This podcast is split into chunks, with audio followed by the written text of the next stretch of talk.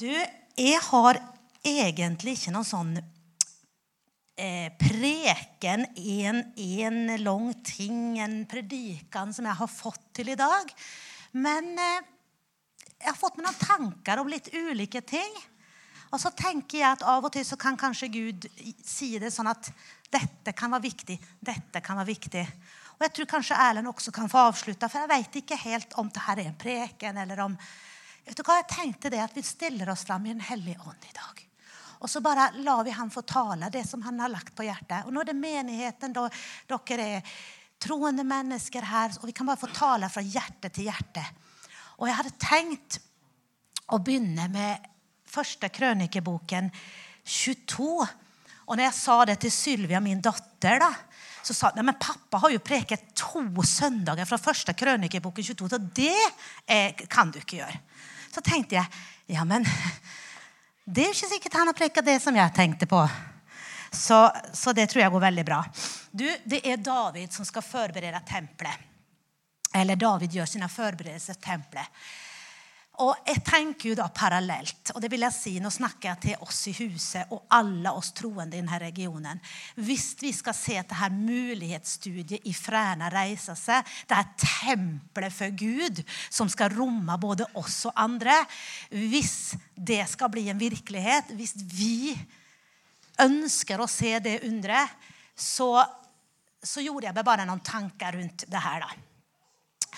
Og vi kjenner jo verset kanskje veldig godt i 22,5 i første krønikeboken, der han sier David sa, min sønn Salomo er ung og uerfaren.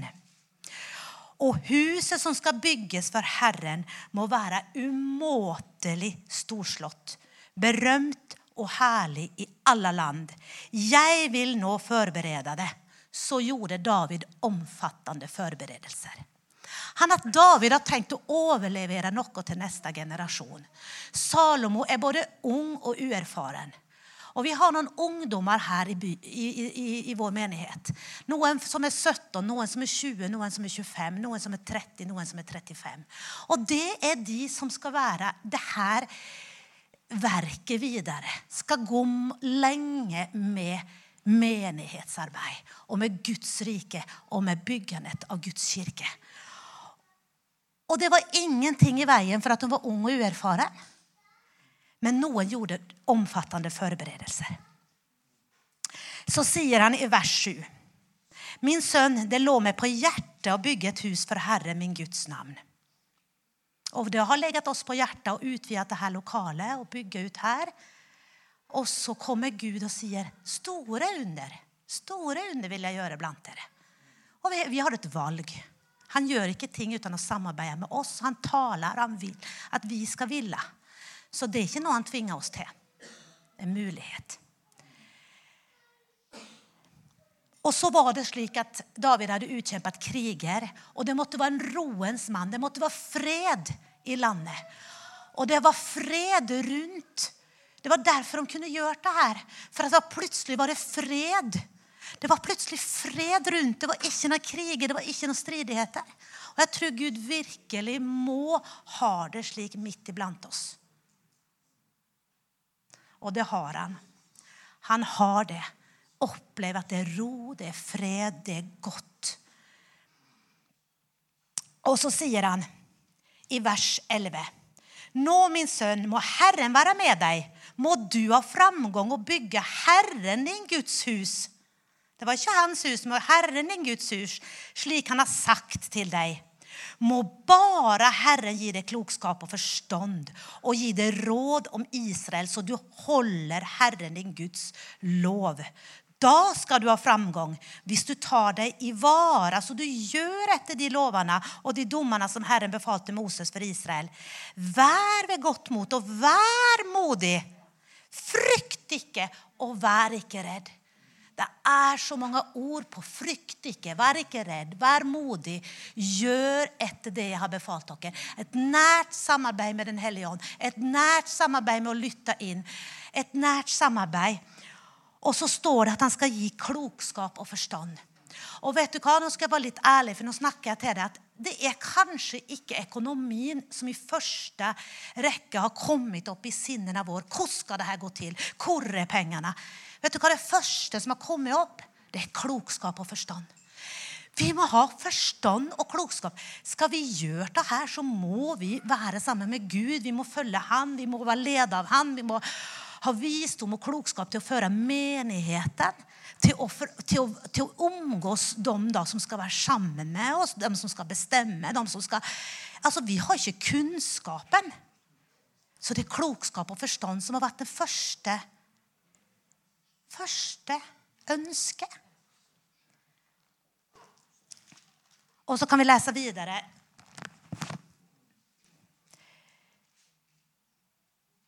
I vers 21, nei 16. På sølv og gull og bronse og jern er det ingen ende.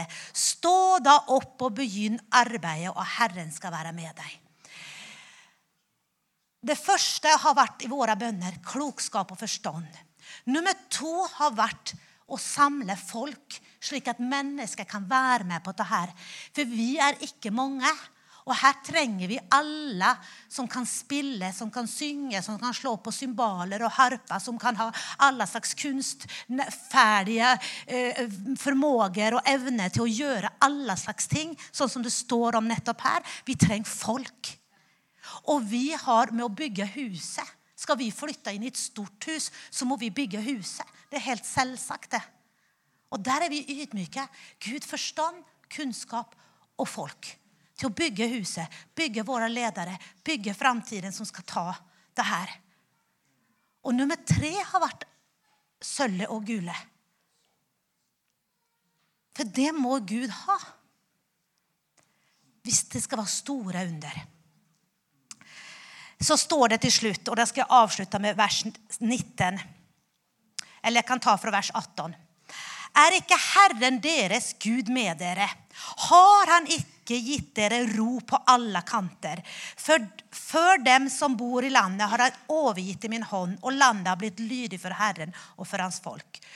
Overgi nå bare deres hjerter og deres sjel til å søke Herren deres Gud. Og det er det bønnemøtene er dreier seg om. Det å søke vår Gud sammen. Oppleve ting i det profetiske, oppleve ting som vi skal inn i. Og Billy kommer nå på tirsdag. Bare et slag for bønnemøtene. La oss søke Gud sammen. Derfor er det vi tar han til nettopp et bønnemøte. Slik at dere står opp og bygger Herren Guds helligdom og fører Hans paktsark og Guds hellige redskaper inn i det huset som skal bygges for Herrens navn. Så her er det en paktsark som skal føres inn i et hus, og det er Herrens nærvær. Hva er vi uten Herrens nærvær? Hva er vi uten den atmosfæren som Herren fører med oss? Og hva er hans hellige redskaper? Det er du og jeg. Det er Guds kall, Guds tjeneste på ditt liv. Det er Guds arbeidere. Det er hans flokk som går sammen fram med sine nådegaver, med, sin, med sine kall og sine tjenester. Det er så mange som Gud vil skal få tjene ham på ulikt vis. Og det er det han har lyst til å føre inn. Det er slik han bygger huset. Det er slik det blir stort. Det er slik det blir mangfoldig. Ah. Og så har jeg bare lyst til å si det. Vi kanskje har sett store menigheter, store bygninger på TV eller fra konferanser. Vi har vært i store sammenheng, og vi har sett mange prise Gud. Vi har sett Hillsong, vi har sett eh, amerikanske menigheter, mange, og vi har vært i de konferansene sjøl, der vi står og bare løfter hellige hender. Det er vi, det. Men folk rundt oss, når de hører ordet kirke, da tenker de ikke for å ringakte det. altså. Jeg kan ta noe helt annet eksempel. Jeg på å si Myrbostad kirke. Men jeg kan ta en kirke med trebenker og stein. Og, altså, De tenker kirke. Og da tenker de De tenker noe. De tenker ikke sånn som oss, at det er et folk som priser Gud og løfter, og der det åpenbares av Guds ord, og der vi bare blir oppmuntra og oppbygd. Slik tenker ikke de når vi nevner kirke. Og så er det slik at Erlend og og Liv Ellinor har vært sammen med kommuneledelsen, ulike mennesker i kommunen her, på en studiereise, på flere studiereiser. De har vært i Stavanger, på IMI-kirken, og sett hvordan de har bygd et stort hus for Herren. De har vært i Kristiansand i det som Fiadelfia har bygd, Q42. Der Billy Øksendal, som kommer til oss, har vært en sentral del. Han har hatt mye av visdom og kunnskap i det byggprosjektet. Og så var de nå på torsdag oppe i Stjørdal, der Den norske kirka har bygd et stort hus for Herren sammen med innbyggerne, sammen med kommunen. Og dette har vært en fantastisk reise å få gjort mellommenneskelig og for å løfte perspektivene for dem som er rundt oss i kommunen. Og det er klart når Erlend kommer hjem til meg og sier at den ene mannen han sa det når han var på Q42 nede i Fiadelfia i Kristiansand At de har tenkt det. Det går ikke an å tenke noe så stort. At de har klart å bygge det. De er forundra. Er det her en kirke? Er det her en kirke? Er det her storslått? Er det her dere? Er det her menigheten? De tenker ikke sånn som deg og meg. De har ikke sett det bildet. At det går an at det går å få bygd en kirke. At det går an å gjøre store tanker med Herren på laget. Men som er forundra over at det er mulig å tenke, at det er mulig å bygge. Og de er forundra over det de ser. Og så tenker de ja, men da ett pluss ett er like med to.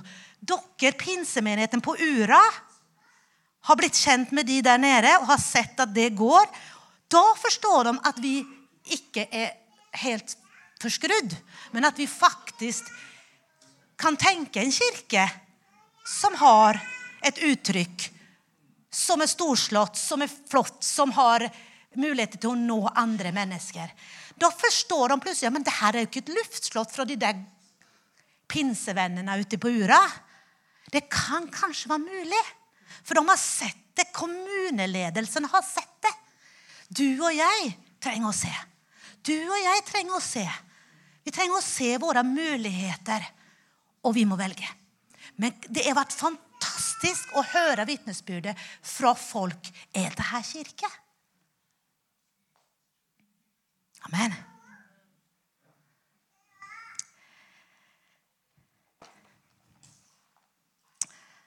Åh, halleluja. Det var min første lille nuggets. Så nå vet jeg ikke helt hvor jeg skal gå videre, for nå er det noe helt annet. Det å bygge mellommenneskelige, nære relasjoner, det tror jeg er veldig viktig. Og det er det andre jeg har lyst til å si. For at vi blir forvandlere av Guds ord.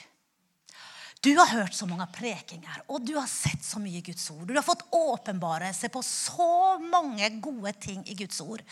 Jeg må si det, at jeg er så takknemlig for mine to år på bibelskole. Hvor hadde jeg vært uten Guds ord på de to årene, som ble så åpenbart, som forandra, som klø mellom sjel og ånd, og jeg fikk ting på rett stell. Det var ikke på rett stell når jeg ble en kristen, men jeg fikk Guds ord så sterkt forsynt inni mitt liv at det bare skilte ut det som ikke var bra. Det var helt fantastisk at jeg måtte legge ifra meg.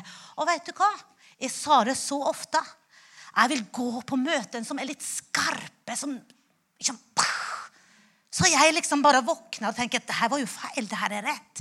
For det forandra meg så positivt. Så jeg ville gå på møten som hadde litt sånn litt spissis, litt kant, litt utfordrende. Det likte jeg best. Fikk sitte eh, i Uppsala på sånne møter og bare kjenne at Gud gjorde ting på innsida av meg. Åpenbarelse kjempeviktig i Guds ord. Og sannheten setter fri. Jesus er sannheten. Han setter fri. Men så har jeg også fått noe annet åpenbart. Og det er veldig enkelt når man får ting åpenbart, for å se Oi! Selvsagt er det sånn. Men før man ser det, så er det ikke så selvsagt. Men når man ser en åpenbarelse, så er det veldig selvsagt. Og jeg tenkte det, har tenkt det over en tid. Det her med livsnære fellesskap. Det her med å kjenne noen og ha venner. Det å være trygg på noen. Det å være elska av noen. Det former meg som menneske. Det er noe Guds ord ikke kanskje klarer å operere med meg, som det med mellommenneskelige relasjoner klarer å gjøre. det at jeg har gifta meg med Erlend, det har gjort ganske gode ting med meg. Han er glad i meg. Han sier det. Det var en venninne som sa til meg jeg tror du, Annika Hvordan kan du være sånn som det der? Jeg tror Erlend har vært glad i deg. Så tenkte jeg ja, sannelig. Det, det har du helt rett i. Og det har gjort så godt i mitt liv. Jeg hadde en mor som sa Hun Annika, hun er ingenting. Noen skrøt over meg, sa nei, hun er ingenting. Til og med når jeg fikk Erlend, da, så var ikke jeg bra nok for Erlend. For Erlend var så bra. Så sier hun det. Ja, men du er jo ikke så bra som skal ha han. Det er jo liksom, det er jo helt hårreisende å høre fra sin egen mor. Men hun er jo bare slik. Hun har aldri liksom anerkjent Jeg vet jo det at hun gjør det når jeg ikke er der. Da sier hun til vennene sine Annika, å, skal se på barna hennes og se på huset hennes. og se hvor hun... Det sier hun til vennene sine. Men hun sier det aldri til meg. Og hun sier det ikke hvis vi er i samme rom. Da er det Nei, nei. Det som hun gjør, det er ikke så viktig. Det er ikke så stort. Det er ingenting. Det er, så jeg kommer fra en sånn familie der vi er små, der vi har mindreverdet, der det er selvforakt, der det er en skam og redsel og frykt. Og så tenker jeg Ja, men hva trenger jeg da? Jeg trenger jo anerkjennelse. Jeg trenger at noen elsker. Jeg trenger bekreftende ord. Jeg trenger at noen er glad i meg. Så stiller Erlend seg attmed meg, da.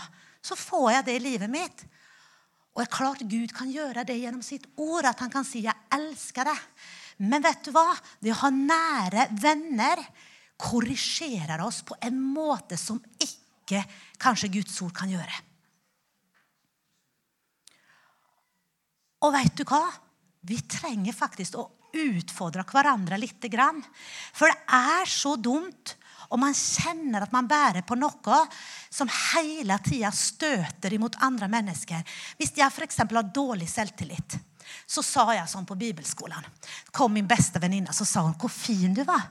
Nei, nei, den var ikke så fin. Jeg kjøpte den på salg. den var ikke så fin. Så sier hun en dag til meg, 'Hver gang jeg kommer til deg, så sier du at du tar ikke imot den, den rosen.'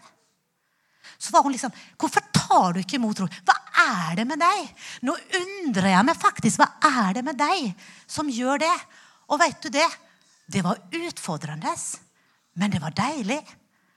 For jeg tenkte hm, Vet du hva jeg forandrer meg etter den utfordrende korreksen? Eller hva kan vi kalle det? Jeg endrer meg. Hvis du kommer bort til meg og sier at denne kjolen er fin, for det er den, så da sier jeg tusen takk. Det var derfor jeg kjøpte den, for den var faktisk fin. Vet du hva? Sånn har ikke jeg vært.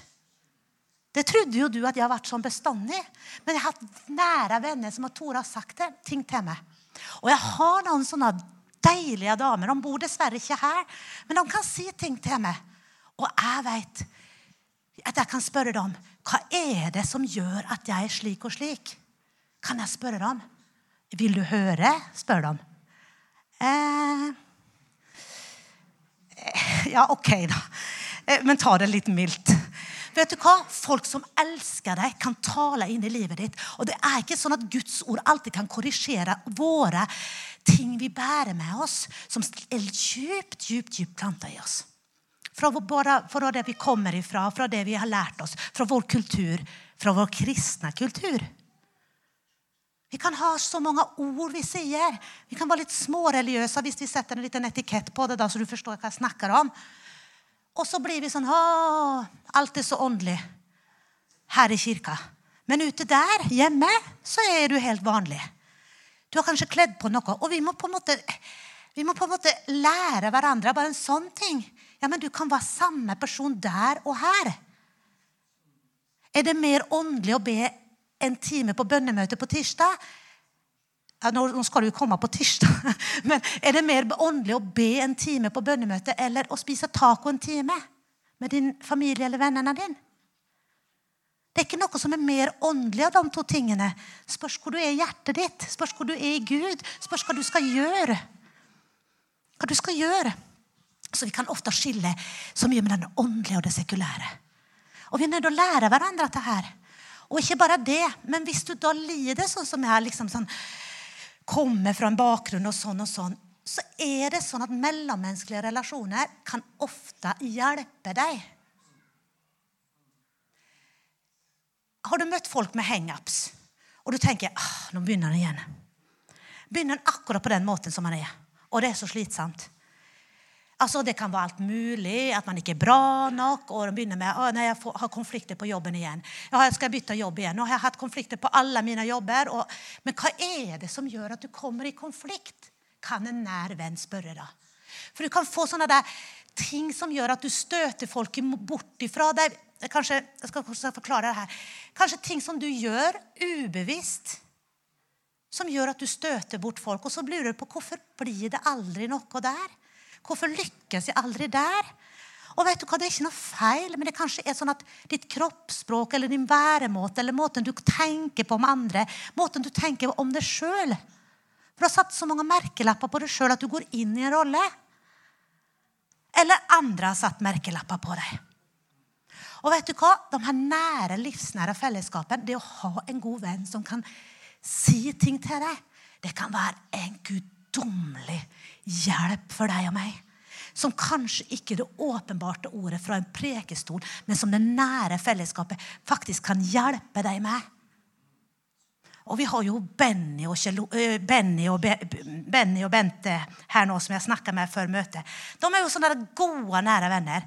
Og så sier jeg til dere ja, Dere kan sikkert si alt til hverandre. Ah, sier Bente, jeg veit hva Benny tenker før hun åpner ordet. liksom. Skjønner du? Det er noe med at de kan virkelig i kjærlighet korrigere hverandre og hjelpe hverandre og støtte og trøste. Og du kan også være veldig åpen. Og det er så deilig om vi kunne hatt sånne åpne, gode fellesskap. Kanskje ikke med alle hele tida, men kanskje vi skal ha livsnære grupper. Life-gruppene ønsker vi skal være sånn. Og de kan utvikle seg over tid til å finne en venn. Til å være ærlige, gode fellesskap eller at vi kan invitere inn. Det er så betydelsesfullt, og det gjør så mye med oss. Lasarus. Jesus vekker opp Lasarus. Kom ut. Og han kom ut. Men han hadde noe rundt seg. Han hadde de gamle dødsklærne, det de hadde bundet rundt ham for at han var død. Og vet du, Victoria Smenes kom en åpenbarelse på Tai Kristiansund når hun preka. For det står faktisk at dere må ta av linklærne, sa Jesus og gikk. Hvem sto igjen da? Det var vennene. Vennene måtte begynne å ta av linklærne. Ester, tåler du korrigering? Nå skal du og jeg bli arbeidskolleger, så må du, jeg, kan, jeg, ønsker å fortelle Ester sannheten. Ja, men Ester, det er jo ikke et men Hvis jeg elsker henne, hvis jeg ønsker det beste for henne, da må jeg kunne si men Ester, ta var bra, men vet du, hvorfor sa du? Hva mente du? Altså, Vi må tåle å utfordre hverandre litt. Men de der linklærne til Lasarus måtte vennene ta av. Og du og jeg vi er døde med Kristus, men vi er sannelig oppreist òg. Vi har fått et nytt liv, og det gamle er forganget. Se, noe nytt har kommet. Og det gamle, det du har lært det fra din, det som er negativt fra din barndom, det som er negativt fra din eh, Om det er noen religiøse ting, eller om det er noen andre ting som du har, som er gamle mønster i å takle kona di, takle det, eller om det er noen gamle ting du har holdt på med ta, tar vi og linder av hverandres likklær, så at vi kan være fri. Sannheten setter fri. Det mellommenneskelige er kjempeviktig. Jesus utfordret sine disipler. Hvis du leser og tenker hvor utfordrende var han egentlig? Dere lite troende. Artig å høre. Har du sagt det til noen som alltid er negativ, som alltid er mørk, som alltid tar det Går ned i kjelleren, som alltid er dyster når du kommer med dine spontane dine ideer, dine kreativitet. Og så alltid så bare føler du at det, den der personen kan jeg ikke si noe til, for den dreper deg. Jeg har en, faktisk et eksempel der det kom en venn, venn til meg og sa du, jeg kan ikke snakke med den dama der. Hun er kristen. For at hun tar det alltid ille opp. Jeg kan ikke si noe positivt om, mine, om mitt liv, mine barnebarn. Jeg kan ikke si noe, jeg kan ikke skryte, for hun tar det ille opp. Da er det jo noe i hennes sjel som alltid tar det ille opp. Og vet du, da får ikke hun de glade nyhetene fra den venninnen. Og så kan hun lure på hvorfor hun ikke får det. Nå er jeg veldig konkret, sant? Men det er jo henne vet du hva? Noen kan jo snakke til henne. Jesus utfordrer oss. Tåler vi å utfordre hverandre? Det er mitt spørsmål. Hva har du med det å gjøre? Følg meg, du. Altså, Her var noen som la seg borti noe. Hva har du med det å gjøre? Du har med å følge meg, du. Pass på ditt eget liv. Det var utfordrende. Ja, den som er uten synd, kan kaste den første steinen. Ops. Ops, så måtte jeg gå en runde. Jeg ble utfordra. Døm ikke for at dere ikke skal bli dømt. Har du møtt personer som dømmer? Jeg har møtt den der forferdelige hedningen. Det var en som sa til henne da vi gikk ut og gikk. Hva, hva du sa hm? Du, du vitna jo på søndag om at du var på dans og fest, og så dagen etter møtte Herren deg. Var du en forferdelig hedning? Ja. ja. Altså, det er jo, det er jo, det er jo for, jeg syns ikke det er riktig av min bror å si sånn til meg når han står på søndag og fortalte at han har vært en forferdelig hedning. Altså, Det er så lett at i vår kultur Rett og slett, Det var ikke feil med hjertet hans. Han, jo, han elska jo den personen. Han var veldig glad i mennesker. Men kan ikke, vi kan ikke snakke sånn. Vi, ikke, vi må renske språket vårt, for det gjør noe med tanken vår. Se til at ingen forakter en av disse mine små. Det kommer forakt. Forakt for den som er litt annerledes, forakt for den som er liten, forakt for barna.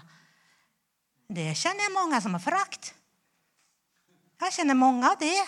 Men tør jeg å si det til dem? Eller går jeg forbi dem for at jeg syns han er så foraktfull? Uff, så ubehagelig. Det gir meg ingenting å snakke med den personen. Han forakter så mye ting. Så kan man gå forbi folk for man, de liksom, det er noen småtteri som henger ved oss. Skjønner ni hva jeg prater om? Er det bare jeg som har det sånn?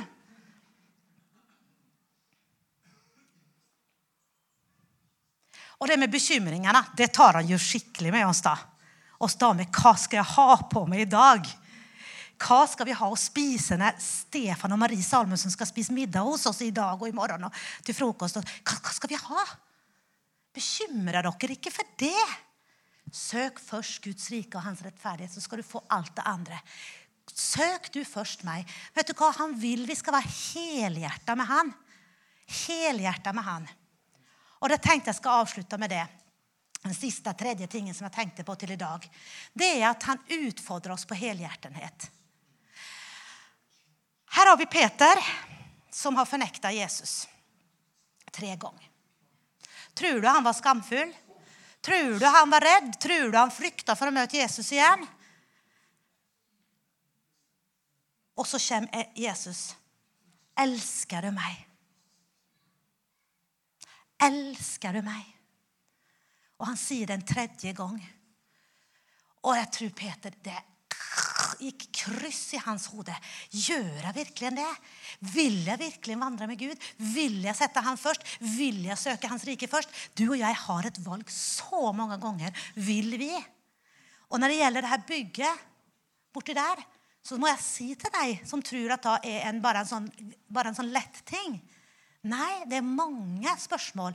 Vil du det? Har du beregna kostnaden? Vil du det? Hva vil det innebære? Altså, det er jo spørsmål som vi bare liksom må ransake oss. Vil vi det? Elsker du meg, så får han oppdraget gitt. Han får et oppdrag om å føde mine lam. Få lov å gi videre. Han får et oppdrag hvis han hadde gjort opp i sitt hjerte etter det han hadde gjort. Jesus utfordrer oss gang på gang og gir oss nye. Jeg skulle aldri ha fornekta han, tenker du og jeg. Jeg skulle aldri gjemt meg under korsfestelsen. Jeg skulle aldri ha stått der og ikke Jeg skulle aldri ha svikta deg, Jesus. Svikta du aldri Jesus? Svikta du aldri Jesus? Glemmer ikke du og jeg han iblant? Han vil ha hele vårt hjerte. I Edens hage så sa Gud til Hørte du? Hvorfor hørte dere ikke på meg? Det var på en måte, Hvor er du? Hvorfor har du gjort det? Hvem har fortalt deg at du er naken? Hørte dere ikke på meg? Det var der skammen og redselen og frykten kom inn. Og iblant så, når vi har gjort dumme ting, så kommer redselen og skammen og frykten, og Gud er langt borte fra oss. Men vet du, elsker du meg, så skal jeg gi deg oppdraget. Så skal du få fortsette med meg. Så skal du bli kvitt skammen og frykten. Og det fins faktisk bare én reell måte å bli kvitt skam og frykt. Og det å være ærlig med den. Og det å la den bli åpenbart og åpenlyst. Tørre å være sårbar. Og når andre mennesker kan komme inn og si ting til deg, og du kan si hva er, det, hva er det med meg? Er det noe ved meg som gjør det her?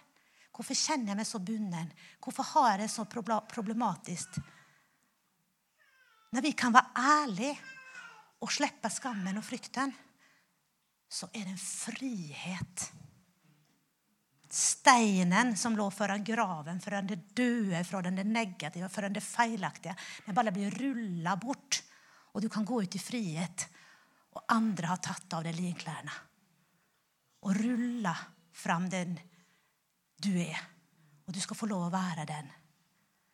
Vi trenger hjelp av hverandre. Vi trenger det livsnære. Vi trenger fellesskapet. Vi trenger å ikke skamme oss. Trenger å få bort frykt og redsel. Frykt for Gud, selvfølgelig, at vi, at vi er redd og nærme oss Han. Det, men også morgendagen og hva vi skal kle oss med, hva vi skal gjøre, hvordan dette skal gå til. Store under krever tro, krever fellesskap og krever at vi er åpne og ærlige med hverandre.